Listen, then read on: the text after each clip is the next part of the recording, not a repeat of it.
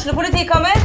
Ine Jansen er purk. Er du purk? The motherfucking bitch. Alt jeg vil, er å finne ut hva som skjedde med mannen min. Jon Carew. Er jeg sikta for noe? Iben Akeli. Det er du. Ole So, Lars Berrum og Big Daddy Karsten. Hvem sin side er du på, egentlig? Anette Hoff, Tone Danielsen, Kommer du fra Afrika? Jørnis Josef, Nesten. Kløfta. Trond Espen Seim, Det er synd å si det, men det var feil mann som døde. Purk. Premiere tirsdag på TV2 Play. Dyrisk desember med podkasten Villmarksliv. Hvorfor sparker elg fotball? Og hvor ligger hoggormen om vinteren? Og hva er grunnen til at bjørnebinna har seg med alle hannbjørnene i området? Svarene på dette og mye mer får du i podkasten Villmarkslivs julekalender Dyrisk desember, der du hører på podkast. SA-podden presenteres av Fleksi. Regnskap med et smil.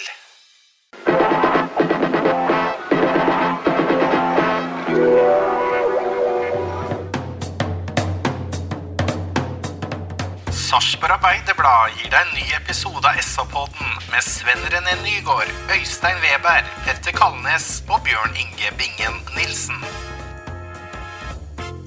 Sjalabais og hjertelig velkommen til en ny utgave av SA-podden, fotballpodkasten til Sarpsborg Arbeiderblad. I dag er det tre blide kæller i studio. Unge Sven René Nygård han er fraværende, er ikke helt i form. Men her sitter Øystein Weber. Hei, Øystein. Hei på deg, Petter. Og selveste Bingen. God kveld. God kveld.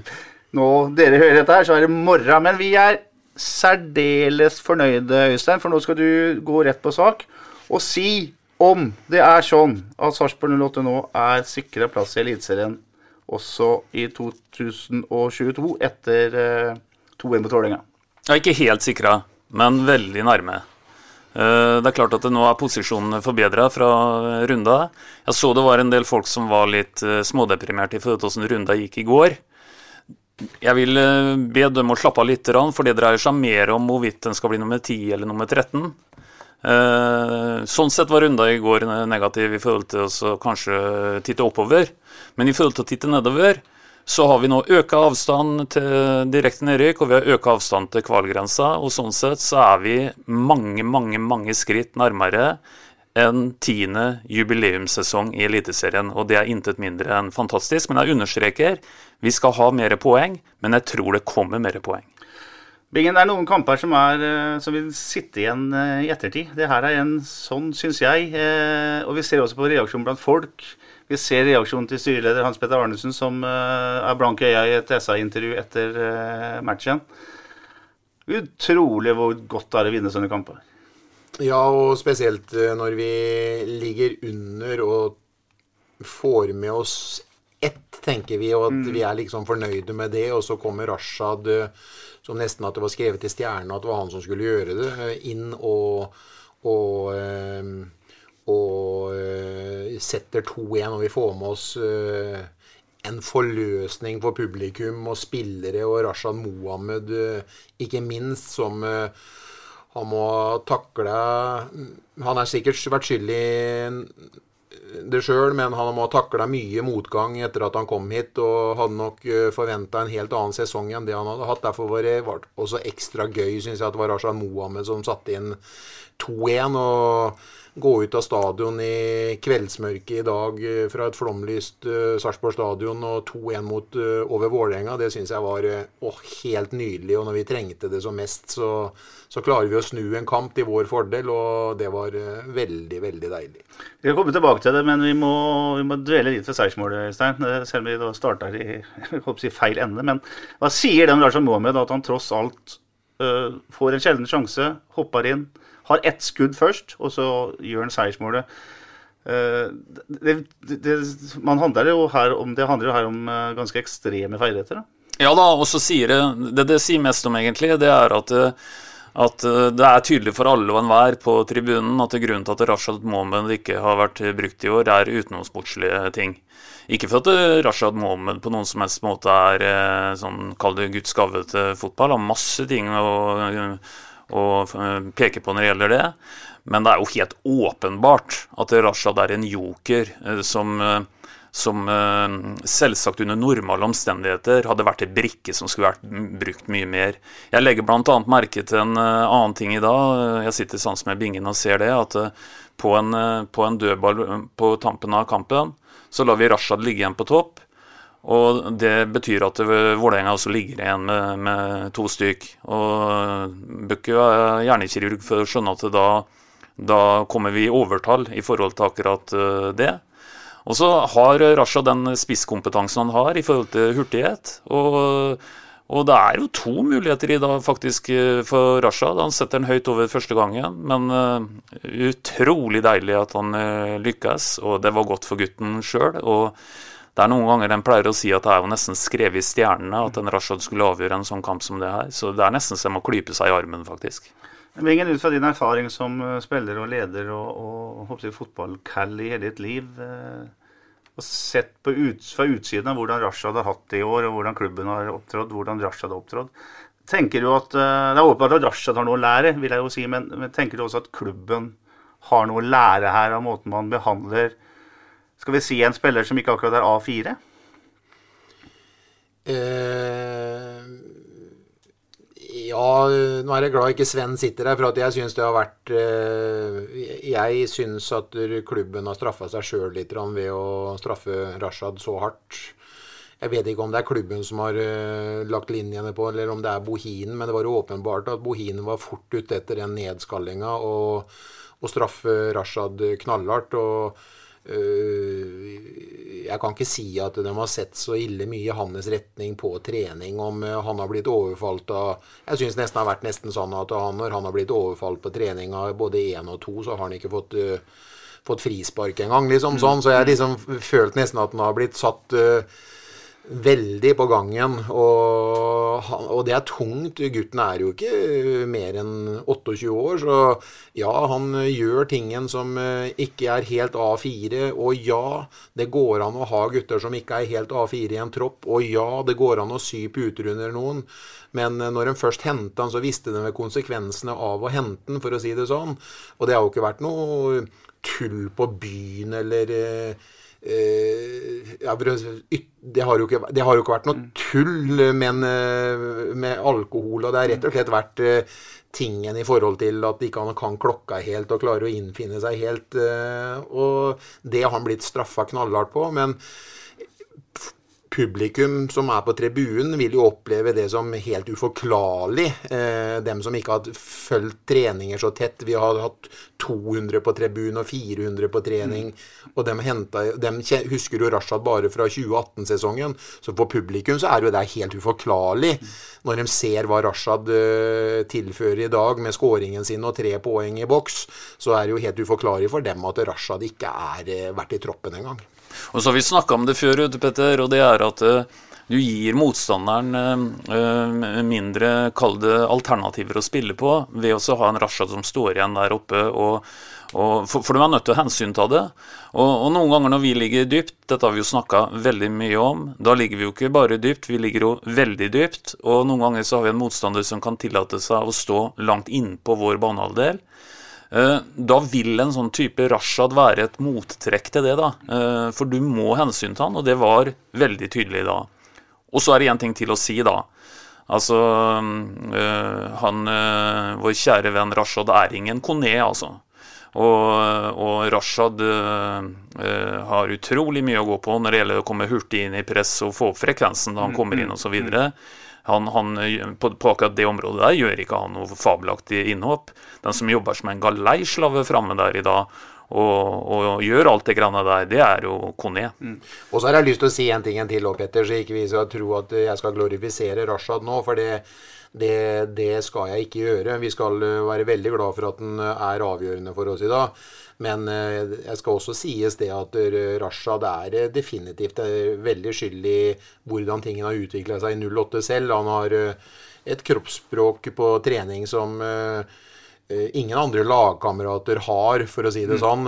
Om man mener noe med det, eller om det er bare den oppgittheten hans som har slått ut i full blomst i forhold til at han trodde han kom hit som han var i 2018 og skulle komme tilbake som eh, den store åpenbaringen, så har jo ikke det skjedd. Så han har eh, oppført seg mange ganger veldig snålt i treningssammenheng òg, når han har vært på trening. Eh, men utrolig hyggelig for han, eller desto hyggeligere at han slår ut i full blomst i dag. Og jeg, jeg, jeg, jeg vet ikke hvorfor han kom inn i troppen, om det var pga. Fardal, Fardal Opseth som ble, fikk sykdomsforfall like før kampen, så Bohin eh, tar, på seg, tar store ord i munnen når han hadde god magefølelse for Rashad i dag. For det er jo bare tullprat. Han Rashad hadde jo ikke vært i troppen engang hvis de Fardal Opseth uh, hadde vært frisk uh, i dag. Så det er, det er, altså, det er jeg nesten overbevist om. Det kalles en situasjonsbestemt analyse, det, Bingen.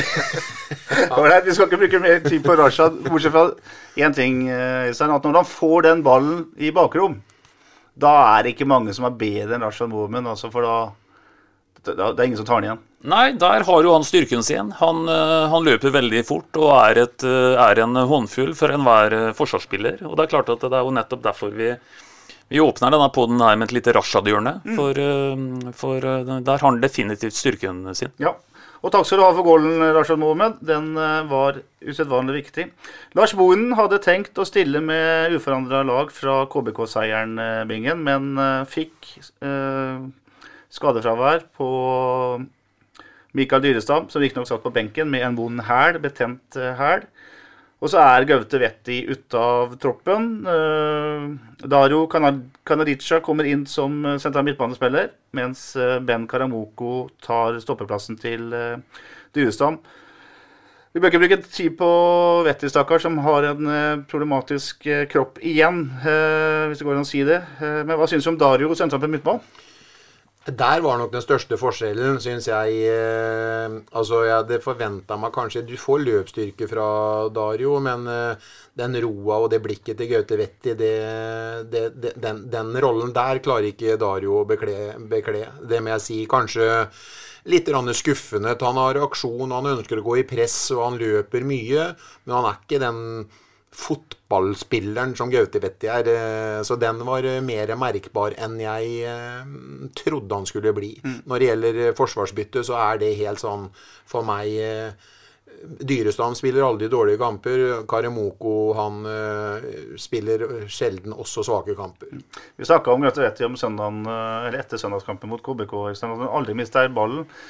Dario har nok en større feilprosent i passingsspillet. Ja, altså Dario eh, kan ikke eh, erstatte Gautevetti fullt ut. Det er nesten ingen i Sarpsborg som kan erstatte en Gautevetti på sitt beste fullt ut. Det må være en, må være en uh, Saletros som, uh, som kan, uh, kan, spille på sitt beste opp på det nivået. Altså Gautevetti, det har vi jo sagt før. Altså, han vært skadefri. Nå begynner det nesten å bli tydeligvis nesten utopi å snakke om, for skadefrekvensen er dessverre ødeleggende høy. Men, men en skadefri Vetti, og det blir mye sånn hvis og så fremtid fall, men han hadde jo vel spilla fort på landslaget. Ja, det er store ord, men jeg tror faktisk du har, har rett. Kampen starter med et Sarpsborg 8-lag i ganske kraftig medvind, men med Vålerenga som tar tak i ballen og fører de første to-tre minuttene. Så kommer den første overgangen Sarpsborg etter fire minutter, gutter. Det er eh, Saleto som vinner ballen eh, litt inn på egen banehalvdel, hvis ikke jeg husker helt gærent. Og så går han ja, blir det 50 meter med ballen, da, nesten eh, bingen. Mm. Det er kjempeløp av Kone, det er kjempeløp av Linseth. Og jeg legger også merke til at eh, Maigård kommer halsende bak i 100. Ikke i 70, som han gjorde mot eh, KBK. Og så skyter Saleto over bingen. Og det som er så rart, er jo det at vi ser jo Saletros han prikker dem jo på trening eh, uke inn og uke ut. Og han har så vondt for å treffe mål når, han, eh, når vi trenger det som mest eh, i, i kamper. Mm. Så eh, det er litt rart det der, for han har det så veldig inne. Men den gutten er eh, en formspiller om dagen. Eh, uansett om han ikke klarer å treffe der, så har han tilfører han laget enormt. Ikke minst i forhold til klokt fotballhode, men han legger jo ned en enorm jobb opp, opp, eller hjemme og opp òg. Mm. Og Abre er jo at den, som du sier, en Saletros ikke setter den under som vi forventer at han skal gjøre. For, for det er helt riktig som du sier, i den situasjonen så er det mange gode løp, men mange gode løpa der, de blir jo til fulle egentlig utnytta. For de gir jo, kall det maestroen Saletros, en eh, fantastisk posisjon her. Til, for det er en stor uh, sjanse. Så de må bare kopiere og gjenta de, de løpa på kryss og tvers der. For de, de tar med seg en eh, forsvarer, og de rydder vei for, eh, i den, den sammenhengen her, en, eh, en Saletros. Men skal vi pelle på noe her, Petter, så er det litt det der med oftere og litt mer sånne bevegelser. Nå, nå satt jeg så litt på Bodø-Glimt i går, og det er klart at det er, det er kanskje litt unfair å legge det, det til grunn, men det er litt imponerende å se hvordan de Eh, eh, for det første spiller seg framover med én touch i en veldig hastighet. Og hvordan de har utrolig mye bevegelse offensivt som gjør at ballfører til enhver tid får mange alternativer hvor han kan slå ballen. Jeg tenker spesielt i dag når, når eh, vi fikk Linseth den transportrolla sentralt der, og det ender med egentlig ingenting. Eh, det er litt Linseth sin feil, men det er minst like mye de som på en måte gir han dårlige alternativer framme der. Der må det komme flere løp, flere må melde seg på, by seg fram. Og, og det blir vanskelig å forsvare seg mot. Det ser vi litt for lite til. Mm. Jeg hadde egentlig tenkt oss å vente litt med akkurat det poenget, men vi kan ta det med en gang. Eh, Øystein. Som vanlig så er dere tidlig ute. Jeg etterlyser bingen. Eh, det er perioder i kampen her som Sarpsborg 8 fører kampen totalt, har ball hele tiden. Men det, det, er litt sluttprodukt. Det er veldig få store sjanser. Jeg etterlyser litt større sjansetaking i det offensive passingsspillet. Ja, men eh, da, da, tror jeg du er ute etter én ting igjen, og det er det når ballen eh, kommer ut på kant, så må den i mye, mye oftere bli slått inn mm. foran mål, altså. Vi kommer jo spesielt i første omgang eh, på siden til, til Jokke, så er det jo definitivt muligheter til å bruke venstrefoten og så bare panke dem inn foran mål når vi har en av de hotteste spissene som uh, finnes om dagen. Mm. Som uh, ja, Nå tenker jeg først og fremst på, uh, på Kone. Mm det, det, er jo, det, er jo, sanne arbeidsforhold han elsker. Og hvis han kommer sånn 50-50 på en ball, så er det jo ofte at han vinner den. Så det å mate spissene våre når vi vet at Linseth er i den formen hvor han dukker opp overalt og klarer å få to eller et eller annet på den ballen nå, til og med skudd fra 20 meter av den sist gang mot Kristiansund. Så du skal ikke undervurdere spissene våre, men de trenger eh, baller å jobbe med. Og det er mange ganger som vi har mulighetene til å slå fra kant Uh, Istedenfor at vi vender opp hjem, og så mm. blir vi spillende. Når Vålerenga er så etablerte, da, så må ballen inn foran mål. Og det er trafikk, det er mye folk. Og da kan det fort uh, komme flere mål enn de to vi, uh, vi, klarer å få i dag. Mm. Det er jo fullt mulig å slå dem blindt. Sånn. Det er som bare dunket igjen, liksom. Ja, blindt og mye lavere og hardere. Og det kan skje noe hele tiden. Ja, det handler, og det handler om å, å unngå førsteforsvarer, i hvert fall. Ja, og, og der er enig med Bingen. Der er det mye mer å gå på. Vikne er litt bedre bedre på, på, sin kant akkurat til det, men, men, men de har mer å gå på på begge sider. Og i den grad det kalles å ta en sjanse og, og, slå den tidlig inn, så er det en sjanse vi lever uh, veldig godt med. For, for uh, det skaper ikke noen uh, store målfarligheter imot det å miste den omtrent oppe ved motstanderens mål. Så, så, det må vi bli mye mer rå på. I hele tatt, vi må være råere på å ta oss uh, Hva skal vi kalle det? Det høres noen ganger negativt ut å ta seg dårlig tid. Men, men, men, uh, her er det snakk om å ta seg litt dårlig tid. Må, det må komme litt raskere, det må komme litt kjapt inn. Vi, vi, vi, så også en annen situasjon i dag i forhold til Eh, at det går for sakte. En eh, Anton Saletros eh, forsøkte å spille gjennom et ledd. Der kom egentlig Joakim Thomassen på et ganske perfekt løp på sin kant, men det var perfekt bare til den ballen ble stoppa mm. midtveis og slått videre. Da var Joakim Thomassen i offside. Mm. Men hvis den hadde vært hard og mm. gått rett igjennom til Joakim, ikke noe mellomledd der, da hadde det vært en stor målsjanse. Og igjen, harde innlegg fra kant, og ikke noe støttepasning for at han som får den på støtte, eventuelt skal slå inn. Det eneste vi oppnår med det, er at det innlegget kommer senere, og at de har fått posisjonert seg bedre defensivt, de vi møter. Mm. Oppfordrer rett og slett til mer sjansetaking i Bingen. Ja. Mm. Bra. Du, har, eh, det er åpenbart at de to målene i dagens kamp er eh, høydepunkt, men jeg har et høydepunkt for meg personlig. da. Ja. Er etter 13 minutter Jeg vet ikke om dere husker det, det er mulig at jeg er veldig nerdete da, men det er Magnar Ødegaard som eh, gjør en kanon forsvarsjobb, eh, som på høyresida i eget forsvar. Eh, først så drar han av en mann, og så dunker han en crosspasning rett på kassa til venstre wingback eh, Joakim Thomassen. Altså, her er det forsvarsspill det er overblikk, og det er pasningsfot som er av ypperste klasse. Vi har snakka mye pent om Magnar Rødegård i det siste. For meg så er han en av kampens aller, aller beste spillere. Det, det oser selvtillit, Binger, Bingen, og da viser han også fram den pasningsfoten som, vi- som vi husker bl.a. som wingback i Tromsø. Da var han jo fenomenal som høyre wingback en periode. Ranheim og Fredrikstad og eh, hadde han jo sånne pasninger. Han Magnar har eh, slått opp noen sånne, han i karrieren sin. Gutten er ikke mer enn 28 år ennå, så vi husker han jo fra han kom med som 15-åring i cupkamp under Conny Karlsson. Magnar eh, spiller eh, er jo Og vi savna jo egentlig det, og vi sa jo det i fjor at eh, vi forundra oss over spillet til Magnar ofte i fjor. skulle være på toppen av karrieren sin i den beste alderen. Men det har han revansjert til de grader den sesongen her. sånn. Og de har spilt inn en treer bak der, hvor Magnar har spilt eh, ja, hovedrolle stort sett eh, gjennom hele sesongen. Og de begynner å bli veldig veldig, veldig trygge på hverandre. Og det handler om eh, trygghet eh, hvis du skal spille i sammen eh, over tid, eh, så kommer den tryggheten bedre og bedre med bedre og bedre prestasjoner. Så jeg må si den eh, Karemoko, Utvik, Dyrestam, Magnar, eh, dem fire der som har eh, eh, rullert på tre stykken i sammen med en Anders Kristiansen bak.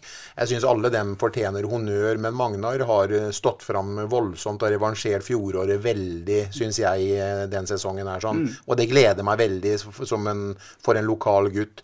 Ellers er det mange som skal ha kred i dag. Jeg syns en jeg trykker helt i brystet mitt og blir mer og mer vant til spillestilen og nesten står, står jo ikke rolig i kampen. Altså, eh, Maigård er jo en eh, fantastisk spiller eh, og har tilført masse bevegelse i det, det laget her. Sånn, og det er jo også en grunn til at Joakim nå begynner å få mer og mer plass på den siden. Eh, Kunne vi forvalta det enda bedre, så blir jo det her meget bra. Og Linseth er i sin beste form, må vi jo bare si. Og Saletros eh, går jo ikke tom om dagen. Han er vel inne i sin definitivt beste periode, han nå som 08-spiller. Så det er mange som liksom eh, fortjener eh, kreditt i, i dag. Og, og nå har vi jo liksom eh, Nå kan vi jo titte enda høyere på det, tabellen enn det, det vi gjør. Eh, jeg, 29 poeng, den var veldig, veldig viktig. Vi hadde 26, og det var bare 6 poeng ned til Brann en periode i dag. Og da skalv jeg som rakkeren på tribunen. Jeg sa til Veberg eh, enten så sitter jeg og fryser, eller så er jeg nervøs. Da lå vi under eh, 1-0. eh, Eller så er jeg overnervøs, for jeg skjelver som rakkeren. Men ifølge Berntsen så er jo ikke nervene jeg skal tenke på, det må jo være kulde.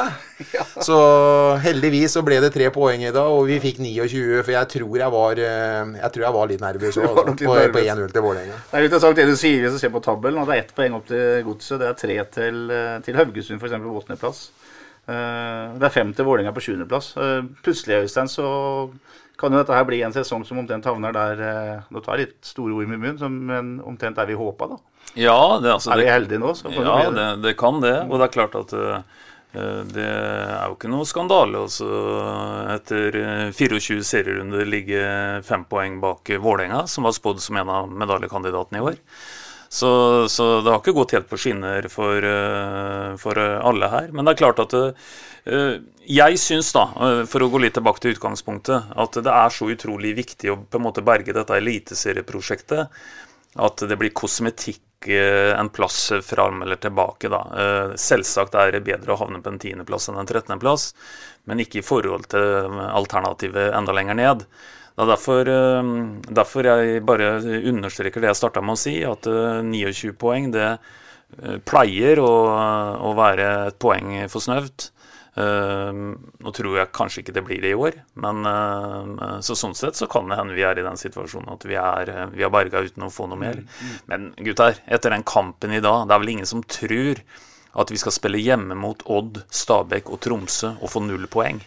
Nei, og i tillegg så er det én ting nå. Det er en enorm vilje eh, og vinnerskaller i det laget her. Sånn, liksom, nå klinker, eh, nå, nå, nå klinker Vikne og Magnar sammen noe så jæklig. Spillet blir stoppa i Mm. seks-sju minutter, og de syr, og de fikk lappa dem sammen. Så, så, Turban fikk de på ja, begge to. Shobaka var ute og hjalp dem, eh, og vi fikk dem på banen. Men sånn som det der 1-1-utligningen vår, så jeg bare, du kommer sikkert tilbake til bare liksom den viljen, det målet, det 1-1-målet der sånn. Den som Linseth setter inn, den koster, altså.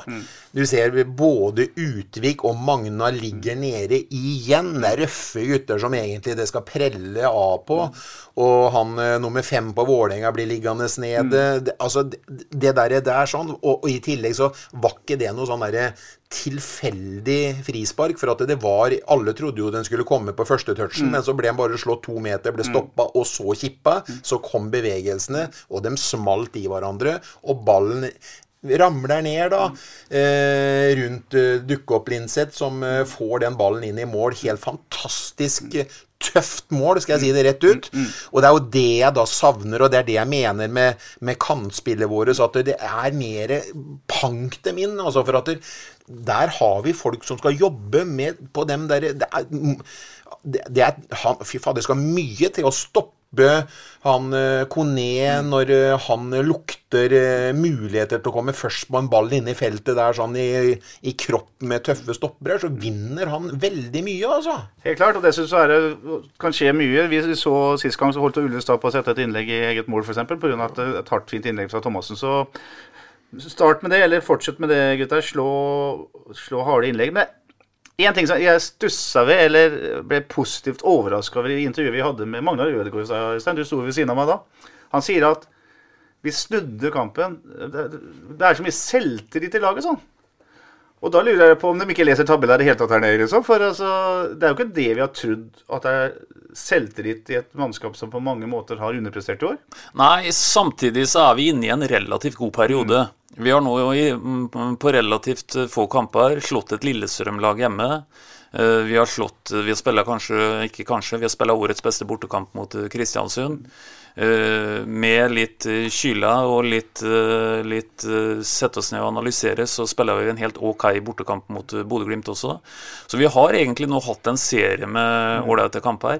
Så på en måte så er det en viss logikk, men det er en litt kort rekke med kamper, det er jeg enig i, til at eh, det normalt skulle bygd veldig mye selvtillit. Men det er jo som du sier, Magnar var helt tydelig på at, eh, at nå, eh, nå begynte en å kjenne på en veldig sterk selvtillit i gruppa, faktisk. Bohin sier etter kampen Bingen, at det tar tid å på en måte innarbeide det han har ønska å, å få til. Uh, og at det begynner å sitte nå.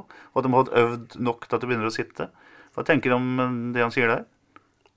Nei, det er sikkert eh, Det er sikkert eh, eh, Kanskje det er noe riktig i det, men jeg føler mer, mer at Bohin begynner å stole mer på kvalitetene, egne kvaliteter i laget, enn enn at han på en måte var Jeg syns det var jeg syns det var veldig lite folk foran ballfører. Mm. Mm. eh, dem, eh, ho, hoveddelen av de kampene Bohinen har leda laget, har det vært veldig lite folk foran ballfører, syns jeg. Og det har virka som om han har eh, kommet på noe nå at skuldrene har eh, senka seg litt og skjønt at det er kvaliteter i laget til å, å spille god fotball. Og Stare slet med det samme, syns jeg òg. Og det, og det her er helt min personlige mening, men jeg er ikke i tvil om at, den, den, at guttene får sluppet le, mer løs nå. Og så er en, og jeg vil poengtere det, altså den løpskrafta til eh, Maigård og til Linseth, den må man ikke undervurdere. Og i tillegg til så har Anton Saletros funnet seg mer og mer til rette, og han er jo helt fantastisk kapasitet på eh, opp og ned, opp og ned. Har eh, kyla i hodet sitt selv om han er sliten til å slå gode pasninger, holde ballen i lag. Det virker som liksom enkelte ganger så bare går ned for å spille på meg, og så ordner jeg det. Han gjør jo ikke en feil, han. Han er veldig god. Mm, han er veldig god. Og sommervinduet til Berntsen, eh, for å si det sånn, eh, eller til Sarpsborg 8, Thomas Berntsen som er sjef for det, har vært, blir bedre og bedre når da er det jo da, men først og fremst vil jeg jo si Maigård, da. Ja, og ikke minst så skal vi nå snart ha tilbake en Molins. Ja. Og han vet jo hva står for, så det er bare å krysse fingrene for at uh, kroppen hans tåler en fire-fem avsluttende runder på kunstgress. Mm. Nå er jo ikke alt på kunstgress heller, men uh, noe av det er jo det. Uh, for, så, så, summen av alt det her, det, det gjør at en skal være ganske en skal være ganske defensivt anlagt for å være veldig pessimistisk, i hvert fall, i forhold til hvordan det ser ut nå. Absolutt. Denne poden har nå vart i 28 minutter, nesten. Og vi er på minutt nummer 15 i fotballkampen. så dette tar tid. Men etter 15 minutter så er det en sånn ordentlig sånn klabb og babb-situasjon foran Vålerenga-målet, som fort kunne endt med en 08-skåring. Eh, ja, der ser vi jo igjen det som egentlig resulterte i en skåring for oss mm. i annen omgang. Der ser vi viktigheten av å få den ballen inn i det rommet der, hvor vi har en, eh, en giftig Kone, og vi har eh, voksne gutter inni der, og hvor det kan kan skapes ting. Det er tilfeldigheter at vi ikke får uttelling eh, på den situasjonen du beskriver der. Mm. Siste kvarteret er vel Vålerenga som i og for seg fører kampen litt mer, i hvert fall. Det er et uh, 31 minutter så har Eirik Vikne, som for øvrig spiller en bra kamp igjen, slår et innlegg som Linseth ikke treffer for en gangs skyld. Også etter 35 minutter så kommer omgangens kanskje aller største sjanse. Det er Vidar Jørne Kjartansson som stupheader et innlegg fra Rayomi i stolpen, og det, det var nære øyet, som svenskene sier. Ja, og vi skal la rett være rett òg. Vi, vi, hyller Vikne innimellom. Mm. Der, Vikne, der er du sober, du. Du, du, er ikke helt oppmerksom på at Lajoni kommer på kanten din der, og den bør du greie å håndtere på en annen måte. Mm. Men for øvrig så ville jo jeg si, uh, Bingen, at uh, Vikne Jeg burde egentlig sagt det mer etter Kristiansund-kampen. Men han begynner å minne meg litt om en Claes Kronberg som kom, eh, kom, hit til byen, eh, og som, eh, og som, til å begynne med var litt Ja. Det var på håret at han fikk fornya kontrakter første gangen, og, men han tok steg hele tiden. Han hadde noe av det som er viktig i fotball, et lett og temposteg. Og, og, og Vikne er en ballsikker type. Og jeg tror at jeg tror med alderen og alt det der, som er en perfekt Eh, match på alt mulig, egentlig. Han tror jeg vi kommer til å få utrolig mye glede av. Det er jo det er ikke noe tvil om at det valget med Vikne altså For det første så kom, utvikler du deg aldri hvis ikke du får muligheten.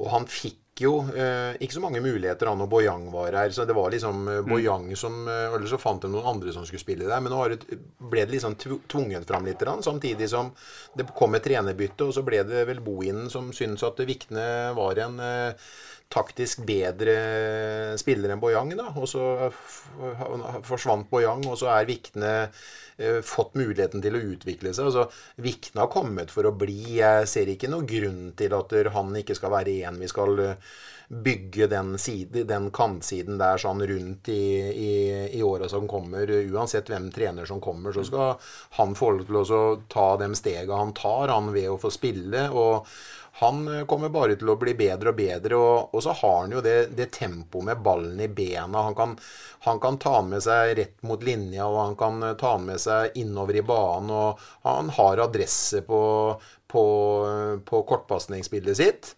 Han kunne gjerne tenkt at han hadde truffet litt, fortsatt litt bedre på innleggene sine. At han hadde hatt litt sånn mer ja, At en unngår førsteforsvarer i, i litt, litt uh, mer. Og det er så synd noen ganger at der, vi får fantastiske bra spillsekvenser som uh, havner i en førsteforsvarer uh, fra, fra dørlinja. Det er, ah, det er liksom alt alt det gode er borte. Ja, det blir ødelagt med en gang. Ja, ikke sant. Og Viktig kan jo også spille høyrebekk. Ja, han er en bra spiller. Bra fotballspiller. Ja. Også spille høyrebekk selvfølgelig i en, eh, i en firer bak, hvis det blir et valg i framtida.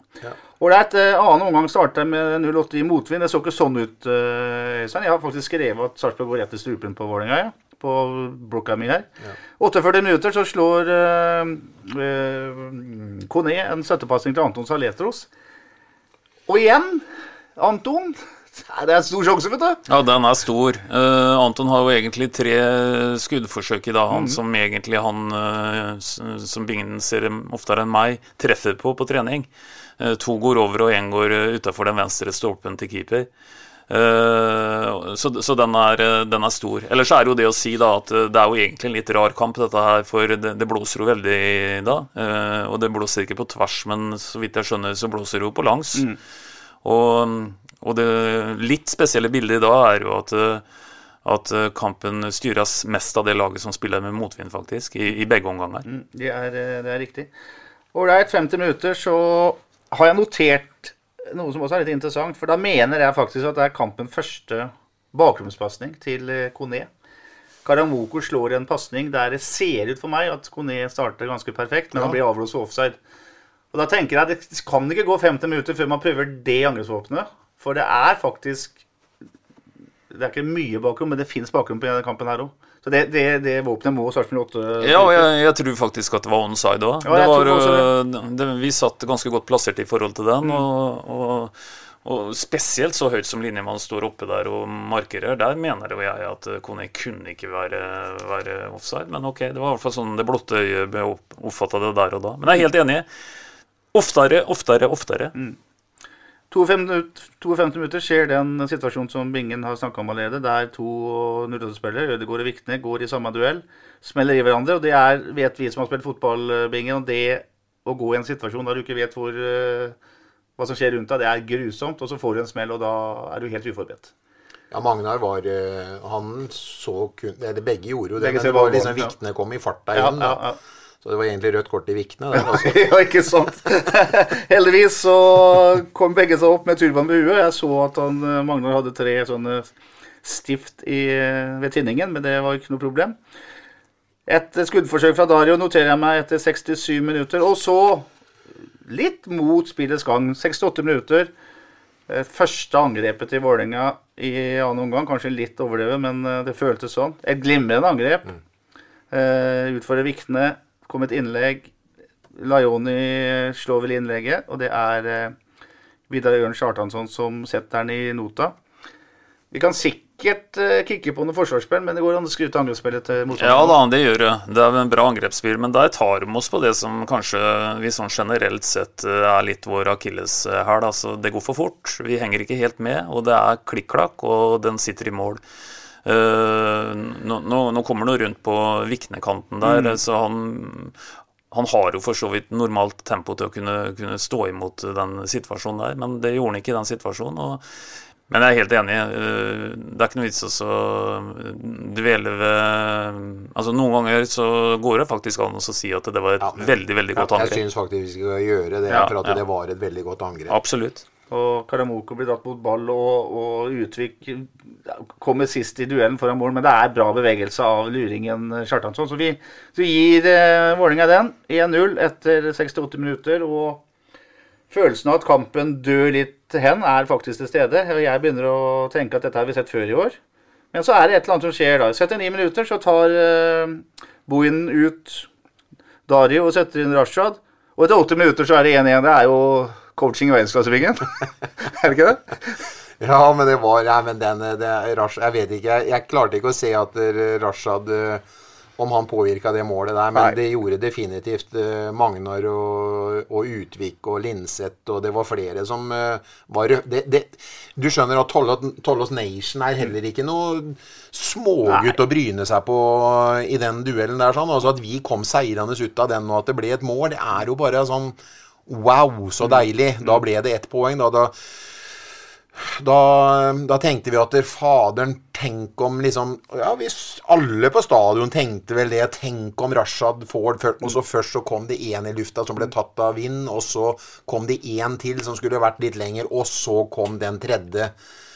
Faderen, altså. Det er, Rashad binder opp folk. eh, Første gang i år, tror jeg. Eller har vi, det, det, er sikkert feil, det òg, for da sier eh, sikkert se- analysesjef eh, Stein Tore Bergerud til meg det at Bingen, det er ikke riktig det du sier, og han har rett som ofte, sånn også, men det kan i hvert fall virke sånn at ikke vi har lagt igjen eh, noen på, eh, på corner imot, f.eks. Men det gjorde vi når Rashad kom inn, og da var det Jaggu meg så turte vi å stå med Rashad høyere i banen, og da måtte Vålerenga slippe ned to. Det var nesten litt sånn at ikke de slapp ned tre, men de slapp i hvert fall ned to. Og det, da, da setter vi på en spiller som dem Dyrisk desember med podkasten Villmarksliv. Hvorfor sparker elg fotball? Og hvor ligger hoggormen om vinteren? Og hva er grunnen til at bjørnebinna har seg med alle hannbjørnene i området? Svarene på dette og mye mer får du i podkasten Villmarkslivs julekalender Dyrisk desember, der du hører på podkast. ah, kanskje ikke har sett så mye på trening, da, men eh, som de har respekt for allikevel, fordi at de vet eh, hva han kan tilføre laget offensivt og i bakrom. Absolutt. Og så får vi håpe da at ryggsekken fylles med, med litt sånne nye positive erfaringer her nå, da. For det er klart, som du sier, når, når uh, Vålerenga litt mot spillets gang tar ledelsen, så skal det skje noe som er helt unormalt for at det skal bli en uh, 08-seier. Vi skal For det første så skal vi spille Det ble selv om målet kom i det 68. så var det jo enda en halvtime Ja, det sa ja, igjen. ja ikke sant? Det ble åtte minutter i tillegg. Men da skal vi spille den halvtimen i sterk motvind. Og i tillegg så vet vi at vi har tre års erfaring med å skåre et mål i snitt omtrent. Nå skal vi skåre dobbelte på en halvtime i motvind. Ligningen går jo ikke opp i det hele tatt. Og det må en på en måte tro på til en viss grad, da. Eh, og, og det skjer jo. Så det er jo bare å eh, applaudere, altså. Altså Skåringen i 80. minutt, som da i realiteten er eh, 72. da, i og med at det er eh, 8 minutters eh, pause der. Men eh, indirekte frispark, la oss si det er 30 meter fra mål, litt til, eh, til høyre. Eller altså Kjetil Haug, eh, Vålerengas keeper, har den til høyre for seg. Uh, Maigård slår en enmeterspasning til eh, Saleto som bare stopper den. Maigård har da muligheten til å skyte, i og med at det var et indirekte frispark. Men han slår en lyre mot bakre stolpe, der Magnar Ødegaard går i en knallduell. Header han ut i feltet. Og så vinner Linseth ballen. Skyter han i mål. Så sier han at uh, Han sa til meg i stad at ballen lå der, så det var bare å skyte i mål, liksom. Det er ikke sånn det er, for det er masse folk mellom ball og og målstreken med en binge. Når du har den uh, flytsona, eller er i en flytsone som Jonathan Linseth er nå, så, så går sånt noe inn, liksom. Ja, men eh, det handler om å få selvtillit. Mm. Det, det er vel det som Magnar eh, snakker om, da. Det handler om selvtillit, jeg, vet du. Og det handler om at eh, du begynner å stole på din egen intuisjon. Og jeg sa i forrige sending, tror jeg det var, og jeg velger å si det en gang til, at Thomas Müller, for den som har fulgt med tysk fotball Thomas Müller har ikke vært noen sånn typisk Jo, han har vært en typisk målskårer, men han, når du slipper ham ut på banen, så er jo den der dukke-opp-prestasjonen og løpet ha- hans og innsatsen som har gjort at han har skåra så mye mål på, på uh, Bayern München og det tyske landslaget. Og Jonathan Linseth har akkurat det samme i seg, han som eh, Thomas Müller. Spør jo meg ikke for at han, skal ikke gå inn og erstatte når Thomas Müller legger opp, så skal ikke Linseth i Bayern og så ta, opp arven etter Thomas Müller. Det er ikke det jeg mener. Vi er på forskjellige nivåer. Men han har den løpskrafta og blanding med målteft og dukke-opp-evner, så produserer Linseth eh, nå mål fordi at han får lov til å spille på sine styrker, og det er løpskraft, det er dukke-opp-evner, og det er avslutningsevner. Og hvis du får lov til å utvikle styrkene dine i et, eh, i et lag, så blir totalen veldig mye plusser bak. Og, og litt tilbake igjen til, til. Ja, og, og litt tilbake igjen til Magnar oppi dette her. Vi, vi snakker om at han sier at det nå er en selvtillit i gruppa, og alt det der er helt sikkert riktig. Men, men det jeg syns det også går an å kalle det hylle en eh, Magnar for i dag, det er jo hvor modig han er. For vi er jo inne på den hodesmellen han får uh, i forkant litt tidligere i kampen her som er guffen på flere områder. Den kan være nok til at, eh, at eh, ikke være karriereødeleggende, men, men du kan få deg en liten mental eh, knekk av det. At du ikke ser hva som kommer, og så det er guffent i seg sjøl, og så smeller det. Og så snakka vi akkurat nå om at det Magnar gjør på, på denne skåringen, det er å gå inn i en sånn type som vi godt kan kalle 'dette vet jeg gjør vondt'-duell. Og det gjør han. Med, med Så, så, så han, han, viser et mot òg. Ja, og der ligger, der ligger en tre råeste Ja, ja, folka ja, ja, ja. ute på banen. Ja, ja, ja. Det er Tollås Nation ligger der, og der ligger Utvik, Ja, ja, ja. og der ligger Magnar. Ja, ja. Og, Og vi skårer. Ja, og det er veldig viktig at Magna gjør det for sin egen del. At han Absolutt. tør å gå opp i den første hodeduellen Ja. etter den smellen. For ellers så kunne han blitt engstelig, og det er han overhodet ikke nå. Og glimrende gjort av eh, Magnar Ødegaard. Og så er jo alle her eh, rundt bordet i hvert fall fornøyd med det ene poenget. Eh, det dør litt hen. Vålerenga har ball litt. Og så kommer da den sjansen som vi har snakka om. Eh, Jonathan Linseth slår en pasning. eh, som da havner via en litt sånn halvgod forsvarsjobb av uh, Vålerenga. Men Rashad kommer alene med keeper. Alene med Kjetil Haug. Skuddet er eh, godt nok til å gå i mål. Eh, var dere sikre på at du skulle sette den? Nei, hun er jo ikke sikker på noe som helst, men det er rart med det der. Det, er, Det går an å ta han. Ja, gjør det ikke det? Jo da. Ja. Jo da. Men det er rart med det der eh, at eh, noen ganger så Altså, Fotball er et rart spill noen ganger. Det er jo ofte sånn at, eh, at du kan ha en som spiller på laget ditt og har vært en lang karriere i eget lag, og så eh, altså, Jeg vet ikke om det Vet ikke om dere, det er klart jeg husker det. Jeg husker Salvesen, ikke at han hadde vært lenge i 08, men det var jo liksom litt hogga i sten at han skulle skåre årets mål mot Sarpsborg da han gikk til godset. Og sånne situasjoner har jo liksom Noen ganger så sitter du jo av følelsen at noe er nesten skrevet i stjernene. Og det var en litt sånn feeling en satt med når, eh, når det bygde seg opp eh, mot tampen av den kampen her. Så Men som sagt, det er nesten så en må klype seg litt i armen, altså. Altså 95 minutter står det på klokka, tavla. Da er det tre minutter igjen av uh, overtidstida. Den tida foregår på uh, 08s banehalvdelbingen. Uh, da ble man litt passive og lot Vålerenga få slå et innlegg osv. Heldigvis så holdt man eh, stand, og vinner da Ja. Ja, det er jo på nippet at det glipper når Anders, eh, når Anders glipper. eh, Ja. Jeg vet ikke hvem minutt det var i, men jeg eh, Det er jo ikke langt unna at det hadde vært uh, spikeren, mm. egentlig. Den der, der eh, hvor Anders eh, drar ned et overlegg, men han tar den ikke inn. Han skal liksom slippe den eh, Han, går i hvert fall i bakken, og han får den ikke inn igjen. Han, eh, det blir helt gærent, men heldigvis så redda vi oss. Men i hvert fall, det ender, eh, ender 2-1, og da er eh, Ja, hva skal vi si? Er altså Fra å være helt nede i sumpa, altså tabellmessig i hvert fall, da. Så, så er man plutselig langt opp på tabellen. Det er, det er utrolig små marginer i norsk fotball som vanlig. Ja, dette ble jo en drømmekveld. Det er jo ikke noe annet å si. Eh, Brann taper eh, hjemme mot eh, Hjemme mot eh, Viking på en kamp som vel minner mer om vannpolo i perioder.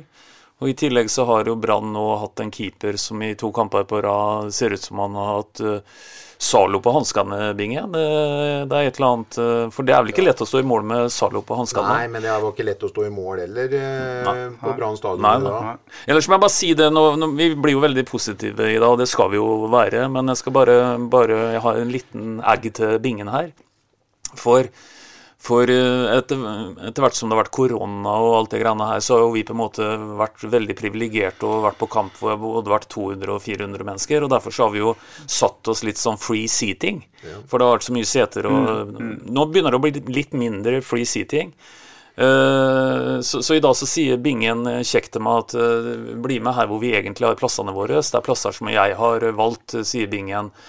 Og den posisjonen jeg har der, eh, det er rett bak eh, en stolpe. Som, eh, som dekker egentlig mer eller mindre hele målgården til det laget som spiller da foran Fossefallet-tribuna. Og jeg fikk sånn déjà vu tilbake til jeg var på Dizzie Tunes faktisk en gang i tida. Som jeg også var utrolig uheldig med billettene. Og fikk ikke sett eh, noe særlig av verken Yngvar Numme eller Tor Erik Unstrøm. For jeg satt bak egentlig en sånn, en, eh, sånn en stolpe. Så hjertelig takk, Bingen, for den plassen du ga meg. Men Du hørte Øyvind Tingberg spille piano, Ja da, og ellers Nå- var showet flott, det. og nå hørte du jo Bingen fortelle hva som skjedde utpå der. Så Ja da, heldigvis så var det noen ledige seter på den eh, raden der, så jeg satte meg litt vekk fra bingen. Det hadde vi godt av begge to. Eh, Du snakker om eh, målvakt Anders Kristiansen, eh, Bingen. Skal vi bruke ett minutt på Kjetil Haug, som etter å ha ja, hva skal vi si, hatt en lang vei fra Det blir vel da fra Kvikk Halden, kanskje, var vel der han starta. Da var altså sønnen til Cato Haug, tidligere styreleder i Sarpsborg 8. Eh, via Manchester City og via flere ulike klubber så er nå endelig førstekeeper i Eliteserien, iallfall per nå.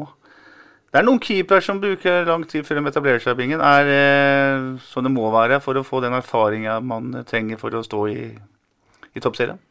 Ja, men uh, hvor gammel er uh, Kjetil Hauga? Han er vel ikke mer enn 22-23 år. Så uh, du har hørt om en lenge. Ja, han ble hypa ja. så jævlig tidlig. Ja. Han, eh, det med City videre. Altså, det er klart at det er eh, ikke bare å slå gjennom selv om jeg vet ikke hvor mange City henter i løpet av et år. Ja, men uansett så fikk han sikkert en fin lære, læringskurve. Men han har vært lånt ut både hit og dit, han. Men eh, nå når Claesson gikk til Leeds, så fikk han jo endelig gjennombruddet sitt i Tippeligaen. Så han vil utvikle seg, som jeg sier i stad med Vikne.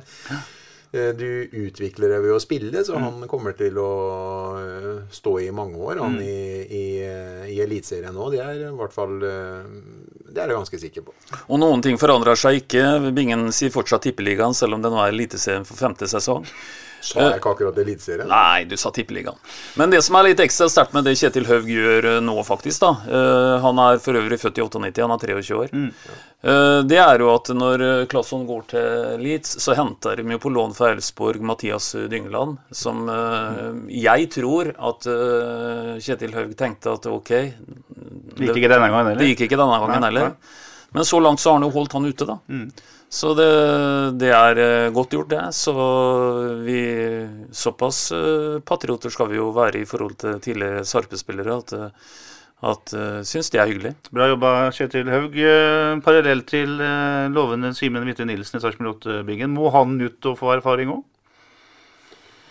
Eh, det som har hemma alle reservekeepere, har jo vært De har jo ikke hatt noe eh, Under korona så har de ikke hatt noe arena før, eh, før nå eh, fra sommeren av. Eh, Vet ikke når det egentlig ble spilt i gang, ja, men det var vel nå i sommer. Så eh, alle trenger å spille, og det var i hvert fall viktig for Simen å komme i gang og få spille B-kamper for eh, 08. Eh, Jeg håper kanskje det kunne blitt sånn at vi Er det én jeg kunne godt tenkt meg skulle fått et par læringskamper, at vi var på trygg grunn eh, når det gjensto en to-tre kamper i år. At vi tar såpass poeng at vi tør f.eks. også bruke en Simen Hvittu Nilsen i minimum én, kanskje to kamper. For eh, det er det læring i, definitivt, og det trenger han. Eh, ja, så kan det godt hende at Simen, Simen skal ut og så stå uh, Adeccoliga I hvert fall Adeccoliga uh, For ikke å snakke om Obos-ligaen. Obos-ligaen neste Fy faen. Ja, nå er klokka kvart på tolv. Men eh, Obos-liga eh, Det er klart at det kunne vært eh, bra for han, det. Men eh, de har sikkert tenkt et løp, eh, løp for eh, Simen, men han har godt av å spille. Men Simen kommer til å bli en jeg, jeg mener han har alle forutsetninger for å bli 08 sin neste A-lagskeeper etter Anders. Nå skal Bingen snart hjem og se på, på Hylands hjørne, tror jeg. Ehm, det det går an å reflektere litt over i da, Petter, eh, og så får du finne ut av, da, det er jo du som jobber med dette her, får finne ut av hva for en prioritering som lå bak det. Men når vi ser lagoppstillinga i dag, så kommer eh, Vålerenga med ni eh, på benken, og vi har syv. Eh, Det er sikkert grunner til det, men eh, det som jeg tenker er veldig rart, det er at ikke en kan eh, la to juniorer sitte på benken i dag. Mm. Jeg kan stoppe deg med en gang, for det jeg eh, trodde var en juniorkampstyrke i går, den og satt her i stad, den juniorkampen går nå i kveld. Ja, så det, var- Så det er fikk- grunnen til at det ikke satt uh, ja, unggutter ja, ja, ja, det var for Vet du så vidt hvordan den gikk, eller? Nei, de leda i hvert fall i pause, ja. Ja, ja, så det er, det er årsaken. Da fikk, Årsaken da fikk vi jo for så vidt Ja. et svar på det. Men hvorfor ikke en Det er jo tross alt en Ofkir kunne satt der. eh, En Kamara som er ja. satt på utenlandskvota, kunne satt der. eh, Ja. Men per nå, akkurat nå i kveld, så vet jo ikke vi årsaker Ja. til det. Det kan jo være grunner til det. Og Fardal Opseth må også ha meldt eh, en slags forfall på sannsynligvis sykdom. Så vi vet ikke helt eh, årsaken til det, men eh, jeg er enig med deg at, eh, og også enig med deg, Bingen, at eh, nå, hvis dette går så bra som man tror nå, så er det jo muligheter til å la noen få føle litt på Eliteserien. Ja, jeg håper virkelig at vi bruker avslutninga på sesongen hvis det går så bra som det er grunn til å håpe at det kan gjøre. Så, så skal jo vi kunne tenke oss nå at eh, det bør være mulig å se for seg at en skal spille to til tre kamper helt på tampen av sesongen hvor det ikke er mulig å rykke ned teoretisk.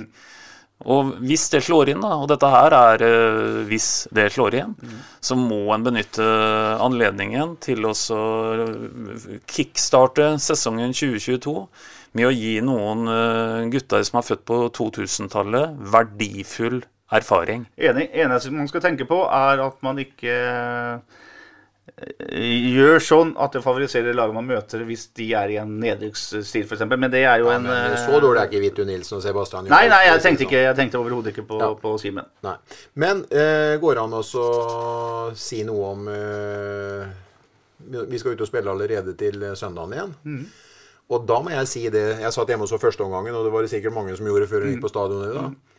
Den blytunge banen som Viking eh, spilte på i Bergen i kveld, den kommer til å sitte i bena mye lenger enn den kampen vi eh, spilte mot Vålerenga i dag. Det er jeg helt overbevist om. Så det må være til vår fordel. Og i tillegg til selvtilliten som Magnar Rødegård eh, forteller oss at laget har, og seieren på overtid, og vi strutter av glede og lykke, så bør vi ha alle forutsetninger for å dra til Viking og gjøre en meget hederlig innsats eh, der til, eh, til eh, søndag. Jeg er enig, og samtidig, Bingen, så skal jeg bort og se den kampen der live. Så jeg blir ikke med i poden til søndagen. Da, da vet jeg at det annet Vi kan jo, kan jo ta en liten cliff, eller en liten sånn en boost på det. Da kommer gamle topptreneren i byen her, Kai Andersen, hit, Bingen. Så da kan vi få bryne deg litt eh, på han. Oppføre deg ordentlig og ta han vel imot, da. På Bislett i gamle dager så kalles det stigning i programmet når du Ja, ja. reiser til Stavanger og Kai kommer hit. Ja, men jeg var bare mer, mer opptatt av å markedsføre at jeg kjører 51,4 mil eh, til lørdags morgen for å se på 08 på søndag.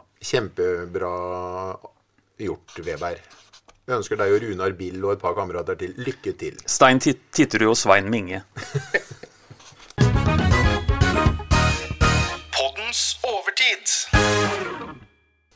Da kommer vi inn på overtida. Mens eh, Øystein Weberg sitter her og forbereder eh, turen til eh, Stavanger, så skal vi snakke litt om publikumsframmøte på Sarpsborg stadion. Øystein, vi kan begynne med det.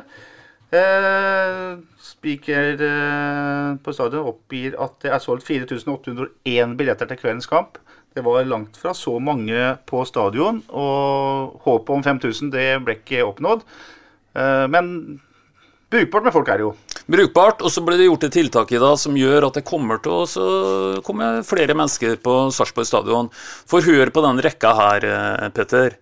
Råde, Trolldalen, Spydeberg, Yven, Borgen, Askim, Tistedalen, Driv, Sparta, Østsiden, Ekholt, Tveter, Berg, Mysen, Eika Krabfoss, Torp, Rakkestad, Rollsøy og Lisleby. Det er altså navnet på alle klubber som antagelig har hatt eh, barn på stadionet i dag. Her har eh, 08 gått ut og invitert eh, eh, unger fra hele, hele Østfold. Og som jeg sa til deg i stad i intervjuene etter kampen, eh, Petter, at hvis ikke han syvåringen fra Krapfoss eller han åtteåringen fra Rakkestad, som er på sin første kamp i dag sammen med faren sin, eh, hvis ingen av dem kommer tilbake etter en eh, flomlyskamp her nede med, med alle ingredienser, da kan du kalle meg en krakk. Ja, ikke sant? Og du, vi husker alle hvilke tilfeldigheter som gjorde at vi ble eksempel fan av et eller annet engelsk lag. Det kunne vært, eh, I mitt tilfelle så var det at jeg for første gang i mitt liv så et eh, straffespark som ble redda av keeperen, og så satt eh, United-spilleren returen i mål. Det var nok til at jeg begynte å holde med Manchester United i, i 4-75. ikke sant? Det, og disse guttungene som sitter her nede eh, Bingen, ser Rashad skåre det målet på overtid. Dem kan være 08-fans for livet. Ja, det virker, det virker garantert. Jeg snakka med Lena Berby. eh, Kom ut med i hvert fall 10-12 unger i sammen med en annen, annen leder. Mm. Hadde sittet på tribunen mot kunstisen. Og var en av dem som hadde fått muligheten til å komme så mange. Eh, han sa jo dem, dem kakla gikk på dem eh, mens jeg prata med Lenar, og dem, eh, dem skåra jo mål og jubla og var så glade som bare dem. Så eh, den opplevelsen dem fikk med seier eh, på kanskje sin første kamp på Sarpsborg stadion, den eh, gjør at det tennes en gnist, og det tennes en ny supporter, garantert. Ja, og det var som Bingen sa sist, det er jo ingenting som er så stilig som også å høre barneskrik i positiv forstand fra hele den svingen der borte. Eh, på slutten av kampen, når uh, Vålerenga gjør et siste fremstøt for å få 2-2, så, så hører du jo barneskrik som om du var på Tusenfryd, og, Mm. og det var eh, et pariserhjul, eller det er vel kanskje ikke det som blir skrika mest av, men, eh, men berg-og-dal-bane, det var sånn type barneskrik. De var engasjerte. Og det er klart at dette her, i dag ble det født flere 08-supportere. Så Alexander Klausen og alle dere som jobber med dette her, dette tiltaket her, det er bare helt suverent. Helt enig. Eh, Tunegutten og gamle SFK-spilleren Lenar tjener nå Yven og har med seg et Yven-lag på stadion. Men her, du nevner jo opp fotballklubber fra hele eh, gamle Østfold fylke, Øystein. Eh, Viktigheten av det, Bingen, at det kommer folk fra Driv og ser på Sarpsborg 8. Det, du, du Nærmarkedet til Sarpsborg 8 blir større og større. Det gjør jo det. Det er jo definitivt eh, veldig veldig bra markedsføring eh, ut i, i regionen sin, eh, regionen vår. Og som sagt, veldig veldig bra, bra jobba og nytenkning av, eh, av 08. Flott! Og så ja, for det gjelder å smile litt mens jernet er varmt. Og du vet at nå er vi i en posisjon som vi bare kunne drømme om å være for 15-20 år siden, nemlig at vi kunne slå oss litt på brystet og si at vi er kraftsentrum i Østfold når det gjelder fotball. Det har vi jo vært noen år. For du vet, når vi eh, vokste opp, eh, Petter, så var det sånn at eh, jeg stussa jo ofte over at det var folk som bodde både i Degernes og Rakkestad, som var FFK-supportere. Uh, og det høres jo litt rart ut, all den tid du reiser gjennom en by til en neste by for å se på fotball bedre enn det du har. Men det hadde jo rett og slett sammenheng med at da var det produktet. Og så er det sånn, det vet vi jo alt om, at uh, folk bytter jo mye. Vi kunne sagt mye flåsete om det gjennom et liv. Men du bytter jo ikke fotballag.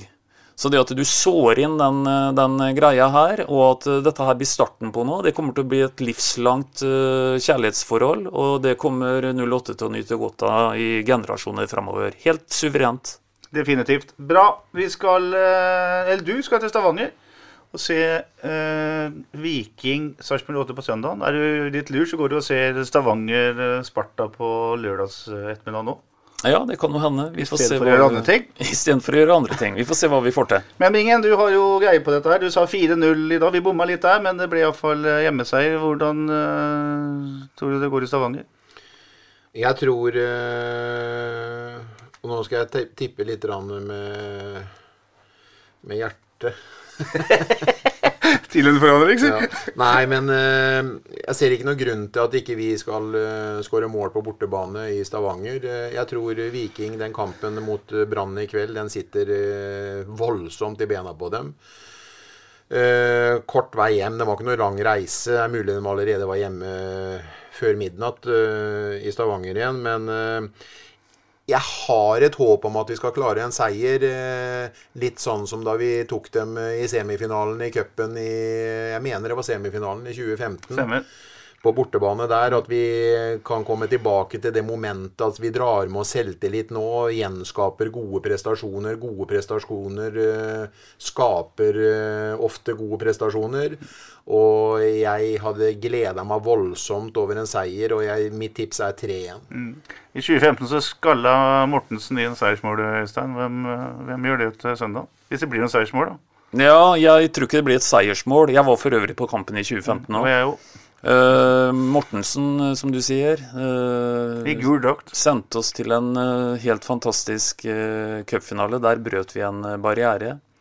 Bare si noe først, Bingen. Du, du hang jo litt sånn halvveis ut Sven til å begynne med her i forhold til Rashad, men det vi skal tross alt si, og dette blir Sven forbanna på, altså hvis ikke vi retter opp når han hører på dette her i morgen eller noe sånt, det er at Sven tippa 2-1 i dag. Mm.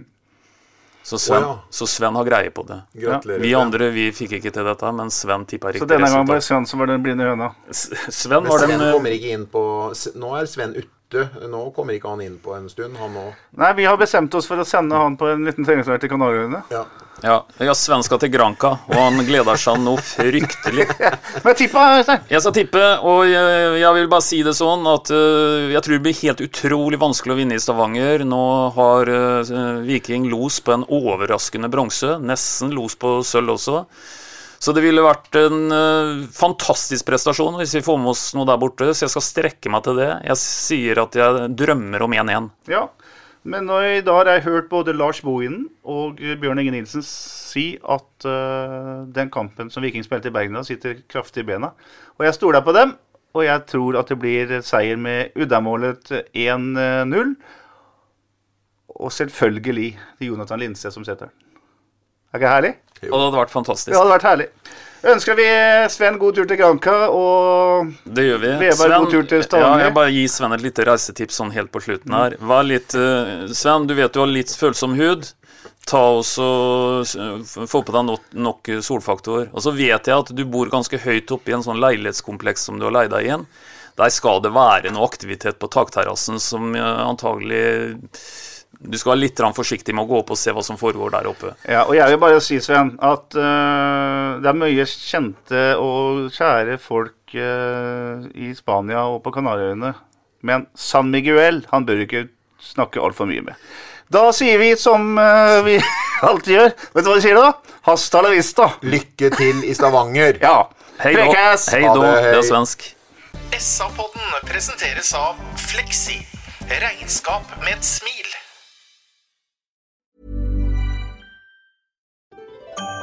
Dyrisk desember med podkasten Villmarksliv. Hvorfor sparker elg fotball? Og hvor ligger hoggormen om vinteren? Og hva er grunnen til at bjørnebinna har seg med alle hannbjørnene i området? Svarene på dette og mye mer får du i podkasten Villmarkslivs julekalender Dyrisk desember, der du hører på podkast. Ukens annonsør er HelloFresh. HelloFresh er verdens ledende matkasseleverandør og kan være redningen i en travel hverdag.